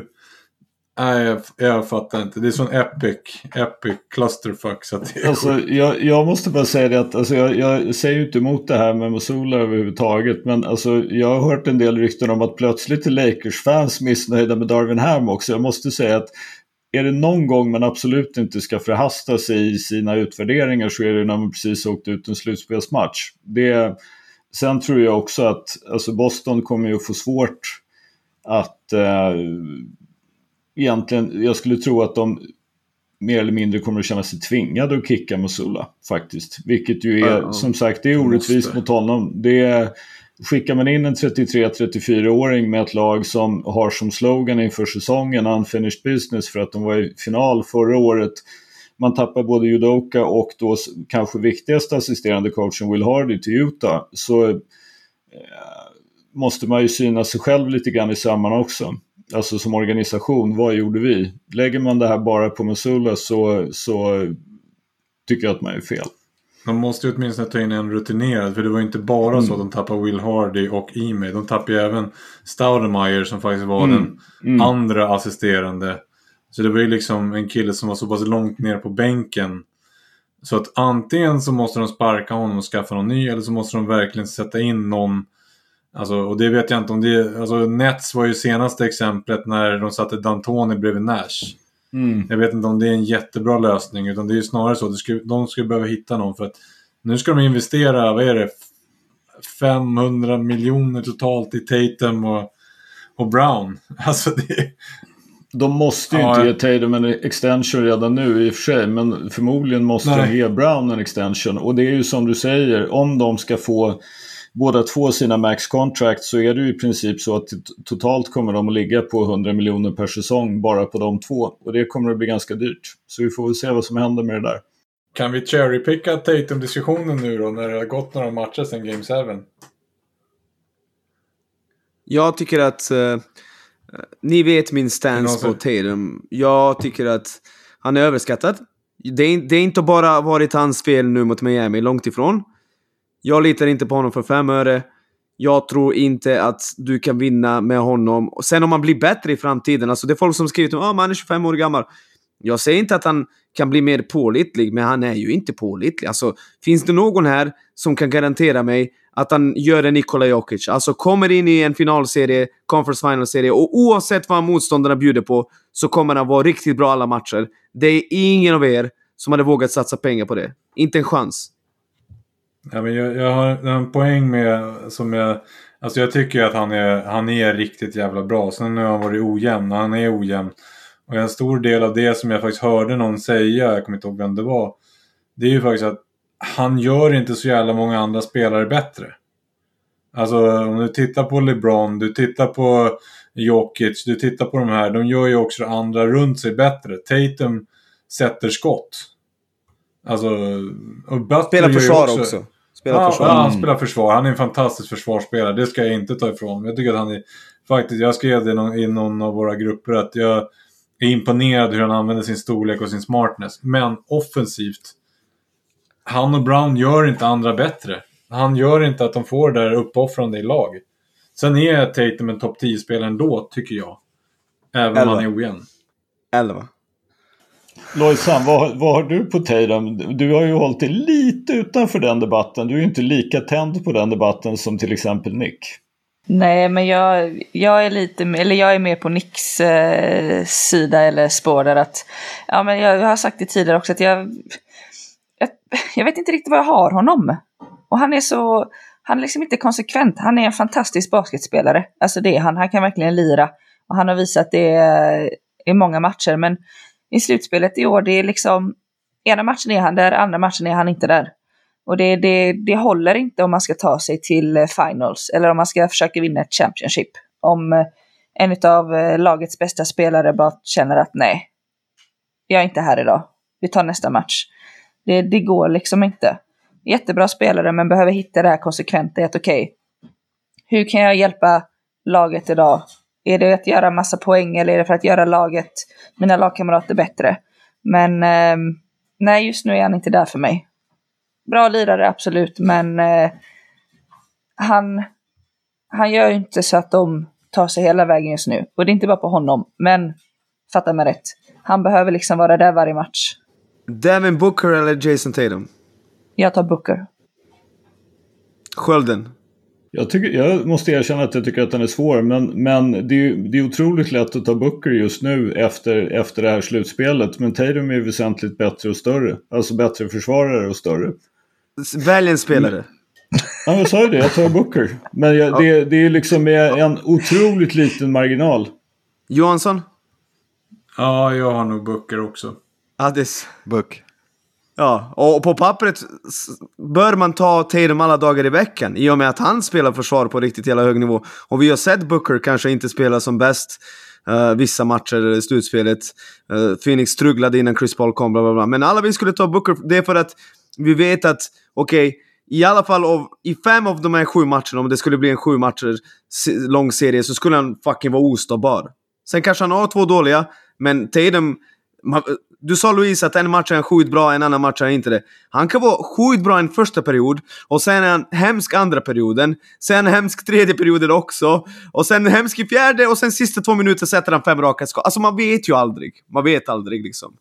Nej. Sen måste man ju tillägga det också att en anledning till att Booker inte var så bra när de åkte ut till sist är att han och Kevin Durant får spela vad det nu var liksom 44 matcher eller 44 minuter per match i en månad och inte bara spela 44 minuter. De hade ju absolut ingenstans att gömma sig eller vila utan båda två behövde spela toppförsvar på sin kapacitet och de skapade dessutom allting framåt för eh, Eh, för Phoenix. Så det ja, att, att Booker var lite sämre i den här, jag kommer inte ihåg om han var det i båda de två sista eller om det bara var framförallt den sista som det var totalt slut i tanken. Det, det är jag beredd att ursäkta Booker för faktiskt. Det tycker inte jag är samma typ av inkonsekvens som Tatum visar upp. Ja, med det sagt, eh, är, är vi i Europakollen just nu och snackar Tatum förresten? Ja, vi, vi, går, vi går vidare. Vi går vidare. Vi måste snabba oss vänta, lite. vänta, vänta. En, bara för att koppla ihop det här med Europakollen. Vilket europeiskt lag borde Tatum spela i när han är 38? Murcia. Murcia. Alltid Murcia! Alltid, alltid Murcia. Fina, det får fina inte gå ett Murcia. halvår eller åtta månader eller vad det nu är tills vi har Europakollen igen Addis. Nej då. Nej då. Ja, eh, vi ska nog till frågelådan. Yes. Det är den vi har kvar och vi eh, öppnade ju frågelådan på Instagram, fick in eh, massa frågor men jag tänker att vi, eh, vi hinner nog inte med alla men vi tar några. Eh, och den här kan ni, ni kan, jag, jag droppar den här så kan ni fundera så kan vi ta den i slutet för att ni kanske behöver tänka lite. Men Noah Järbeck kan fråga att vilka fem NBA-spelare genom a- alla tider hade kunnat gjort den bästa podden tillsammans, alltså som ni gör med bänkvärmarna. Ni kan ju fundera på den, vad ni har. Jag kan bara direkt droppa att eh, Knuckleheads-podden är ju en av mina favoriter med Darius Miles och eh, Quinton Richardson. Eh, deras kemi, de, jag älskar den podden liksom. Så. Eh, men ni kan ju funta om det är några som ni tänker er eh, skulle vara bra Jag gillar poddare. RJ. Jag tror att han skulle kunna passa. Vem, vem då? Richard Jefferson. Ja, men han är ju TikTokare nu typ. Så att eh, han är ju... Ja, det går åt helvete med det här med TikTok nu. Ja, men vi, vi funderar. Avsluta. Kom tillbaka till den och så avslutar vi Ja, så får ja, man ja. tänka i bakgrunden. Eh, Tommy Pretorius han undrar då varför en domare i NBA kan döma i 20 plus säsonger med högre tempo och bättre spelare och så vidare men inte i Sverige. Här slänger vi ut de mest rutinerade domarna. Om de klarar sina tester varför spelar ålder då roll? Ett enkelt svar. Ett ord. Fiba. Så, vi, vi kan gå vidare. Fiba är ju, vi har redan diskuterat det, de är ju ett skämt, deras regler är ett skämt. Uh, det finns, jag, jag håller helt med dig. Varför i helvete ska det finnas uh, åldersbegränsning när vi har folk i NBA som är 70 plus och dömer liksom? Visst var det, vad hette han som alltid beefade med Charles Barkley? Han var väl 70 plus? Vad hette han? Jag vet vem du menar. Klassisk domare, alltså han var ju riktigt gammal. Alltså, han måste ju varit nästan 80 typ. Ja, Alltså, och han var skitbra domare. Ja. Va, va, va, Alltså, varför ska Scott någon Foster se är ju till... inte 40 direkt heller. nej. Nej, liksom, varför ska du sluta när du är typ 55? Jag vet inte vilken ålder det är som det tar slut, men Fiba är ett skämt. Det är svaret. Scott Foster är 56 kan jag tillägga. Han skulle alltså inte få döma spel om jag inte helt missminner mig. Men, men eh, bara fråga Nick, så eh, Fiba har en regel, en åldersgräns? Är det det? Yes, yes, yes. Vad är den på då? Ja, vi kan kolla. Åldersgränsen? Alltså, det är ju löjligt. Varför? varför det är, ja. Gå till nästa ingenting. ämne så kan jag Ja. googla fram. Ja, okej. Nick kollar det medan vi går till nästa ämne. Eh, men det är en fråga till dig Nick. Pelle Erikstam frågar, har du klippt det än? Nej, men det kommer. Det kommer snart. Det kommer snart. Vi väntar. Det kommer. Och, Det kommer. och, och det är ju också så här Pelle att Nick ska inte klippa sig. Allt ska bort. Det är zzz som gäller. Det är inte en klippning utan det är en trimning som gäller. Det är typ 0,1 millimeter. Raka skallen var det. Ja, nej exakt. Vi, vi får se, vi får se. Nej, nej, nej, nej, nej, nej, försök inga- inte. Eh, ja, okej. Eh, Felix Wollberg, han undrar, vem tycker ni egentligen förtjänade årets MVP? Det, Embiid. den som Embiid kammade hem alltså. Ja, en bit. Alltså det var ju grundserien och Jokic mejlade in sista tre veckorna och inte gjorde ett skit. Så att jag tycker Embiid var en värdig vinnare. Nej, Jag säger inte emot. Säg Embiid eller Giannis. Men kan vi sluta med det här nu att, att säga liksom så här MVP efter vi sett slutspelet? Mm. Alltså det känns som man är så jävla trött på att det här. Nu har han varit bra i slutspelet, han borde ha. Nej.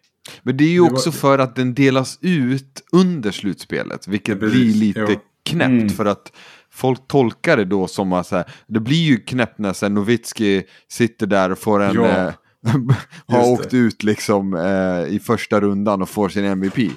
Eh, Han var ju det- tvungen att stanna. Han ville ju åka, hem, han ville åka bort. Han ville åka ifrån USA men tvungen att stanna. Mm. För att han skulle få MVP när de åkte ut mot eh, Golden State. Det var Mm. jättekul. Jag har sett en intervju om det. Mm, stackarn. Ja. Eh, Calven 001, han undrar, tror ni Clippers har en chans att vinna Championship nästa år? Nej. Nej. Alltså jag, jag skulle vilja säga ja, men jag, jag måste ju säga nej. Vad har vi, vad, var, varför skulle vi tro att Kawhi och eller Paul George kan hålla sig hela ett helt slutspel? Ja, det är just det som är grejen. De behöver vara hela. Och det har vi väl inte sett på ett tag.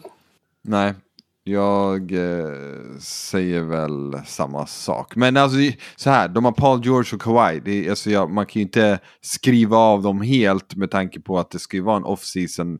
Jag vet inte var de landar och kan landa liksom. Så. Om, om de hade tagit ditt förslag och ställt in grundserien, kanske. Ja, exakt. Då hade det kanske kunnat. Då har de en rimlig chans. Ja, ja. Eh, Douglas eh, Sjögren, han undrar, eh, han undrar då, alltså som vanligt rykte, men enligt mig är detta inte slutet på Browns karriär. Jag tror vi landade i att nej, vi tror inte heller att det är slutet. Han fortsätter. Nej. Minst tre år till kallar jag. Minst tre Minst år tre till. år. Tre år till! Uh. Jajamän, jajamän. Ja, då blir Och- och- alla hans rekord. Han har pratat i tio år om att han vill spela tillsammans eller mot sin son liksom. Så då är det minst eh, två år. Förstår du? Och så tror jag att han kör ett år till. Ja. Eh, Harald undrar, var sätter vi Jokic all time? Och skulle ni säga att Jamal Murray är underskattad? Om vi börjar med Jokic. Alltså vi får väl vänta och se det här med finalen. Men, men alltså Jokic spelar ju på en sinnessjukt hög nivå. Han, liksom, ty, hans karriär, han har så mycket kvar på karriären så det är svårt att jämföra med folk som har spelat liksom 6, 7, 8 år till och innan man riktigt vet var han landar. Men om han fortsätter så här ett par år till och tar typ en titel, då tycker jag då finns det ju liksom absolut en diskussion för att han är topp 10 i alla fall. Åh, nej, nej, nej, det är för tidigt. Det, nej, Ja, nej, nej. Topp du 10. hörde inte vad jag sa- sa. om, jo, om, jo, om han du fortsätter par, så här och tar en titel. Jag trodde du sa ett par år till. Jag Nej, jag tar 6-7 år till och en titel. Ah, Okej, ja men då så. Om jag, då, om då är jag jag får vinkla diskussionen då. Om vi säger så, om man tar den här titeln. Han eller Janis historiskt. Janis. Giannis. Alltså jag tycker bara Giannis är bättre. Alltså jag tycker Han kanske bara inte Giannis... just idag, Nej, men, men, han, han har ju alltså- större sample size av att vara riktigt dominant. Janis. Har han det? Ja. Ja, men han har, han har han någon... varit, alltså, Oj, oj, oj. Jokic har alltså två andra platser och två MVPs på fyra år. Janis har två eh, MVPs och ett år både årets försvarare och MVP. Eller hade han det? Jo, det hade han Jo, det hade han. Det hade Jo, han. det hade han. Och NBA Championship där han gör 50 poäng i sista matchen. Det är Ja, tyvärr. jag säger det om han tar en titel nu. Alltså, Men, men MVPs är också så himla, liksom, det, är, det är svårt att jämföra med det. För jag menar, Giannis- käka en MVP, alltså vad säger, det säger egentligen ingenting. Kobe har en. Ja, men det är om... Steve ja, Nash 2. Kobe kanske inte ska... Ja, exakt. Ja. Tim Duncan två. ja. Men det säger inte så mycket. Alltså, det är så mycket omständigheter, narrativ och mycket annat Ja. som spelar in. Liksom. Och Jokic, eh, vad, hade han, har han två? Eller vad sa vi? Han har två två. och så kastade Ja. han ju bort den i år. Ja, säg att han hade... Eller kastade bort, men, men eh, han hade nog om han hade lagt krutet på det så hade han kunnat komma närmare en bid i alla fall kan vi konstatera. Ja, ja nej men verkligen. Ja, Okej, men eh, vi får väl avvakta. Men jag, jag kan se honom i alla fall när han lägger skorna på hyllan som en topp 5 center i alla fall. Topp 3 center, topp 5, någonstans där emellan. Jag har svårt att se han passera typ Shaq och Wilt liksom och sådär kanske. Men, eh, och Bill Russell, men eh, efter det. Typ. Eh, han frågar också Jamal Murray, är han underskattad? Ja, Ja. det är svårt att inte säga ja. alltså, Ja, ja. Jag tycker att han är Håller med. properly rated. Jag tycker han är rated. Han är ju precis under den här All-star-gränsen. Vi har sett honom explodera i slutspelet, men vi har även sett honom vara sådär i slutspelet. Jag tycker att han trivs väldigt bra bredvid Jokic. Jag tror att många point guards skulle se för jävla bra ut bredvid Nikola Jokic. Mm. Jag tycker att han är precis där han ska vara. Ja, jag, jag säger underskattad. Jag, jag fattar grejen, men jag kan tycka ibland att man tillskriver eh, medspelare väldigt mycket av eh, andra spelares eh, success. Liksom. Jag vet inte hur mycket jag kan säga liksom, att ja, men, Murray är bra på grund av Jokic. Jag Vad gör att- Murray bra förutom... Är han en bra försvarare? Okej. Ja, men Är han en... Ja, han är jävligt bra shotmaker när han är på G. Han kan också bli sådär vidrig kall ibland, det kan han. Nu. Ja, ja. Men... alltså Eh. vä vänta, vänta lite nu. Så när, vilken serie pratar du om som Jamal Murray har chokat bort? Som rookie när han var, när han var 21. Då, åkte de, då slog de alltså San Antonio Spurs. Han är rookie, snittar 19-4-3. Sen samma år så snittar han 24, 6 och 5 när de åker mot Portland. Ja, Sen den sista har- matchen. sen- jag, kolla upp hans stats den matchen. Han Ja, ja, men han är rookie då. Game Nej, det 7 var hans mot. Dame. Nej, det är Det hans hans första år. år. Ja, men det är hans första, första år i slutspelet i alla fall. Ja, okej, okej.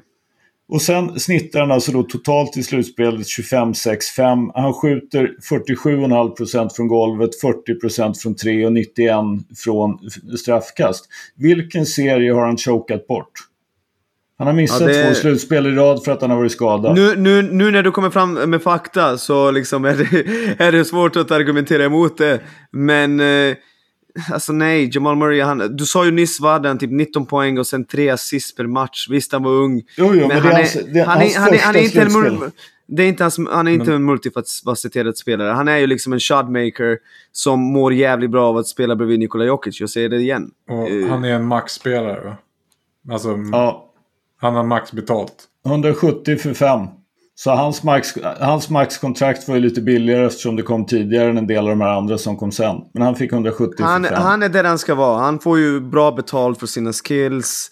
Tycker absolut inte att det är någon snubbe som eh, vi underskattar något in i helvete. Jag skulle får, inte... jag, får, får jag bara läsa hans stats från 4-0 mot Lakers? 32,5 poäng, 6,3 returer, 5,3 assist. Vad tror ni han skjuter från golvet? 57. 50, 52,7, 40,5, 95. Skölden, 500 spänn.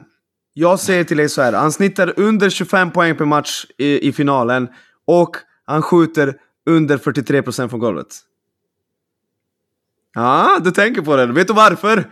För att han är properly rated. Du, du vågar inte Nej, liksom... nej men alltså det, det, det har inte med saken att göra utan det är ju mer liksom det att ja, hur ser finalen ut och hur spelar de på honom och dubblar honom och liksom all, allt vad det är. Det där, den, där, den, där, den där tycker jag är knepig att säga. Liksom. Det, det betyder ju dessutom, det beror ju på vad de får för matchups och vad Spo kastar mot honom och allt det där. Ja, ja, här- du vill inte det- betta. Okej, Det här, vi går det, vidare. här är, det här är vad han har gjort. Jag tycker att han är underskattad oberoende av att jag inte har någon lust att ta något bett om vad han gör i finalen. Liksom 32, 6 och 5, det är liksom rätt bra. Jag tycker att Det han är är- underskattad. Okej. Alright, eh, någon fråga till. Tobbe, han frågar, eh, eller säger då att han är nyfrälst i basket men tycker att eh, han har lite svårt att komma in i NBA. Har vi några tips till honom? Vi, Eh, vi, han Spurs. ja, vi har redan pratat om det, men se matchen själv, följ hjärtat. Vi hade ju den diskussionen. Och återigen, vi blir så jävla glada när folk faktiskt lyssnar på oss före de går in i liksom basketbubblan. Alltså det är så jävla kul att höra. Eh, men se några matcher, följ hjärtat. Det kommer att... Det kommer visa sig. Ja men eh, så jag kan nog lägga till, han skriver att han har redan ett lag liksom, men han har svårt att Ja bara... men det där med Jay-Z, Jay-Z hade typ 0,9% av eh, Brooklyn Nets och han sålde av alla sina eh, procent. Så Jay-Z har inte riktigt mycket att göra med Nets, egentligen. Alltså det, Ja. jag tycker ju lite så här att man ska, man ska försöka tajma in de här söndagsmatcherna. Alltså någonstans så är det ju ändå en speciell känsla med att se, även om det inte är live på plats, så är det så här att följa spänningen under en bra match, då kan det vara, eller under en match, det kan vara att du ser skitlag spela. Egentligen. Mm. Det är ju mycket mer intressant när du ser en match efteråt eller liksom så att om man, kan så ju man- mer man kan se utan att veta resultatet, då tror jag man fångas i spänningen av vad faktiskt sporten kan ge. Ja, Mm. och då kan man också följa flödet samtidigt. För Exakt. att eh, till exempel på Twitter så är det så mycket content under Exakt. matcherna. Och då blir man en del av eh, communityt och sådär. Så att absolut, det, det var jag, jag, skulle vilja, jag skulle vilja ge ett följetips på Twitter. Det finns en snubbe som heter Steve Jones som nu under slutspelet lägger upp liksom en lång tråd med sådär 25-30 videoklipp från slutspelsmatcherna där han också då liksom går igenom vad gör de för någonting. Klippen är kanske 15 sekunder långa tops. Och så skriver han liksom en kort tweet till här gör Lakers det här. Han spelar pick and roll med Anthony Davis och de får ut det här. Eller Denver stoppar det. Alltså det är otroligt pedagogiskt och du får en ingång till okej, vad, vad försöker lagen göra? Vad kan jag liksom titta efter? Och sen är det som Johansson säger, se söndagsmatcherna live. För de här tidiga söndagsmatcherna är dessutom ofta bra matcher.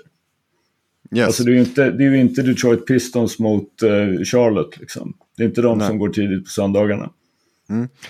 Eh, OHMR och så vidare, vår vän, han eh, eh, frågar, han eller hon frågar, vad har ni alla för bakgrund inom basket? Jag vet lite om Nick och Louise, men vill gärna veta mer om alla. Men eh, jag tänker att de, det är inte säkert att alla vet om eh, Nick och Louise bakgrund också. Men kan vi bara snabbt kanske dra då? Eh, ska ni börja Nick och Louise? Ni som eh, har den eh, tyngsta basket... Tyngsta spelarmeriterna. Spelarmeriterna, ja precis. Ja. Nej men eh, jag har... Eh, ja, hur länge har jag spelat basket nu? Jättebra fråga. I 18 år. Spelat i ligan i, här i Sverige i 10 säsonger. Siktar på att komma tillbaka och göra min elfte till hösten. Eh, varit med i ungdomslandslag. Eh, spelat 3x3 basket och är med i landslaget där. Och nu sitter jag här och pratar basket i en podd. Och målet är ju förstås att bli årets center i SPL-dam nästa säsong. Exakt. Men 10 ligasäsonger alltså? Jajamensan. Jävlar. Det är eh, inte illa faktiskt. Nej, och det tråkiga är att eh, all stats är borta Ja, just det. ja. med systemet som de ska ha gjort om och allting. Så det går inte att hitta. Det är lite kul att kolla på ibland. Okej, vad gjorde jag då? Vad hade man här? Men det Bosse det många Hagenius, matcher man har ta spelat? över på damsidan också. Fixa Ja. det här. Ja. help us! Ja. ja, Nick, eh, ska du dra din då? Absolut, jag gjorde min första träning eh, maj 2000, 10 maj, eller 99 eller 2000, jag minns inte riktigt längre. Sen dess varit fast i basket. Det är jättestort där jag kommer ifrån, vilket är Serbien. Eh, spelade i ligan i fem år, men var riktigt dålig.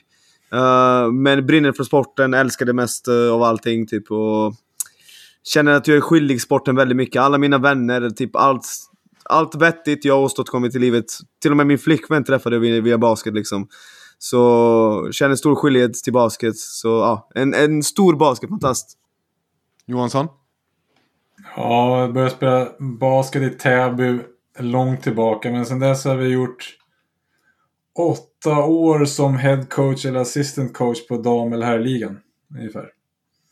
Det är väl de eh, åren. Och sen några till år i basketettan och då nu senast superettan.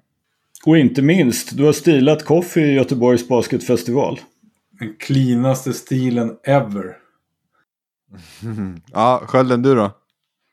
Eh, vi flyttade till Chicago när jag var fem år gammal så då började, spelade vi på bakgatorna i förorten där jag bodde som hette Wilmette. Det satt korgar på var och varannan garageuppfart och sen så på lördagar och söndagar kunde man gå till skolan och spela inomhus och skjuta på plexiplankor. Sen kom vi till Sverige och spelade med K5 Central min absolut tyngsta merit är att jag har spelat en Clurin Cup-final mot Peter Mellström som väl har gjort det sådär en 110 landskamper och vunnit sju SM-guld eller någonting. Vi torskade så det sjöng om det. Mellström killed us. Eh, sen spelade jag lite gubbasket. Sen har jag bevakat basket 20 år och jobbat på Basketförbundet. Och Addis. Ja, nej men jag har eh, började spela basket rätt sent. Jag började typ i femman, eh, tror jag det var. Sen, eh, och jag la av i åttan, så jag, egentligen har jag bara spelat organiserad basket i, vad blir det? Ja, tre, tre år typ. Eller någonting. Eh, så det, det, är egentligen det enda jag har spelat. Sen har jag spelat oorganiserad basket. Min, min största merit är att jag vann Stockholm Summer Games en gång i tiden. Kommer du ihåg vad det var? Känner igen det? Mm, det har jag också vunnit. Mm. Har du också vunnit den? Förutom något år när det kom någon sån här taiwanesisk basket high school typ och mörd, mördade oss. ja, uh, ja nej, så det, det, är min största merit på planen. 05 vill jag minnas att jag vann. Vi ska, vi ska ju tillägga det också att Addis spelstil enligt honom själv liknar D'Angelo Russell. Så han vill skjuta en eller annan trea och passningarna kan lika gärna hamna på läktaren som perfekt. Och jag lunkar som D'Angelo Russell. Han spelar ju alltid på halvfart. Hade vi den här diskussionen om vad som skulle hända om vi möttes här mot den? Step back bara. Inget alltså annat. Charles Barkley Rule kommer inte ha någonting på mig när jag kommer backa ner Nick. Alltså det kommer ta 24 sekunder. ja, vi har en sista fråga då. Huddinge F08 frågar, kommer ni prata något om WNBA som just har börjat? De har väl spelat första, jag såg att... Eh, ja.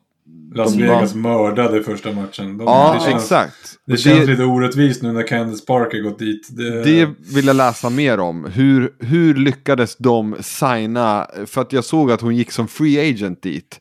Eh, mm. och jag, jag, undrar, hur lyckas de signa eh, henne med den truppen de redan har? Det det är värt att New, New York Liberty är dock jävligt bra också ja, känns det Brianna, som. Så, så, så, mm. så jag säger så här, vi börjar definitivt prata WNBA oftare. Det är säkert något vi ska ta en titt på och ja, absolut. Det, det verkar väl inte helt otroligt att det är något vi kommer att ägna sommaren åt. För de spelar Exakt. ju faktiskt under sommaren medan det pågår inte sådär fantastiskt mycket annan basket. Så WNBA är ett kanonförslag att gå på.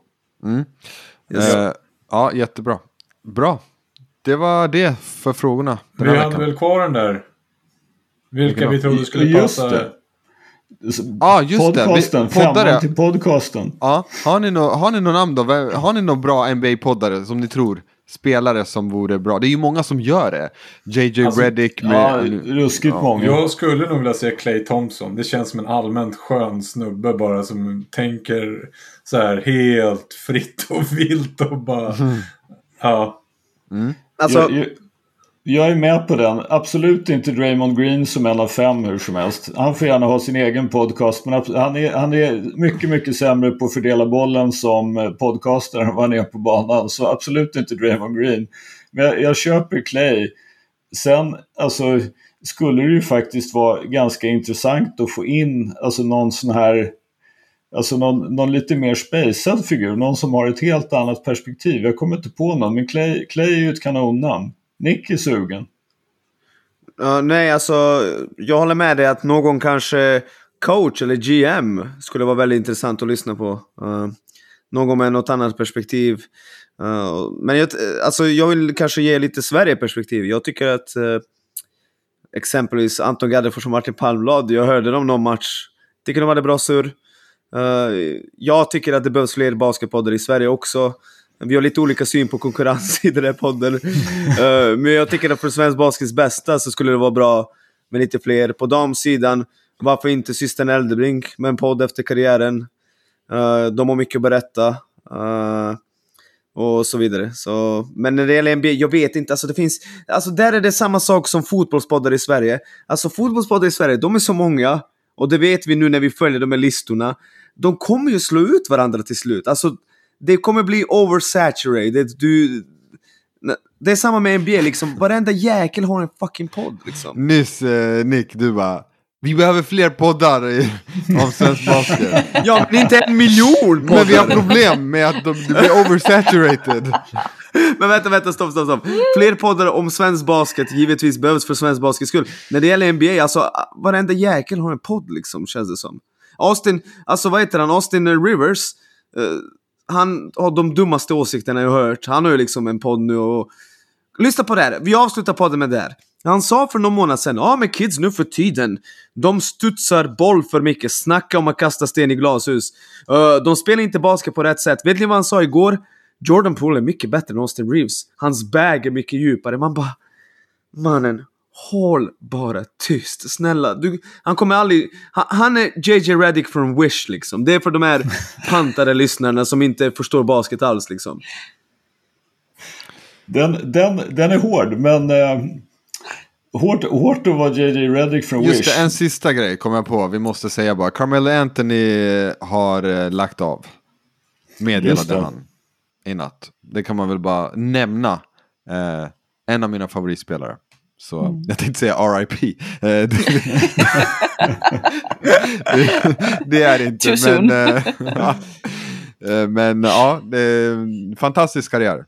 Håller du med om att han både underskattade och överskattade historiskt sett?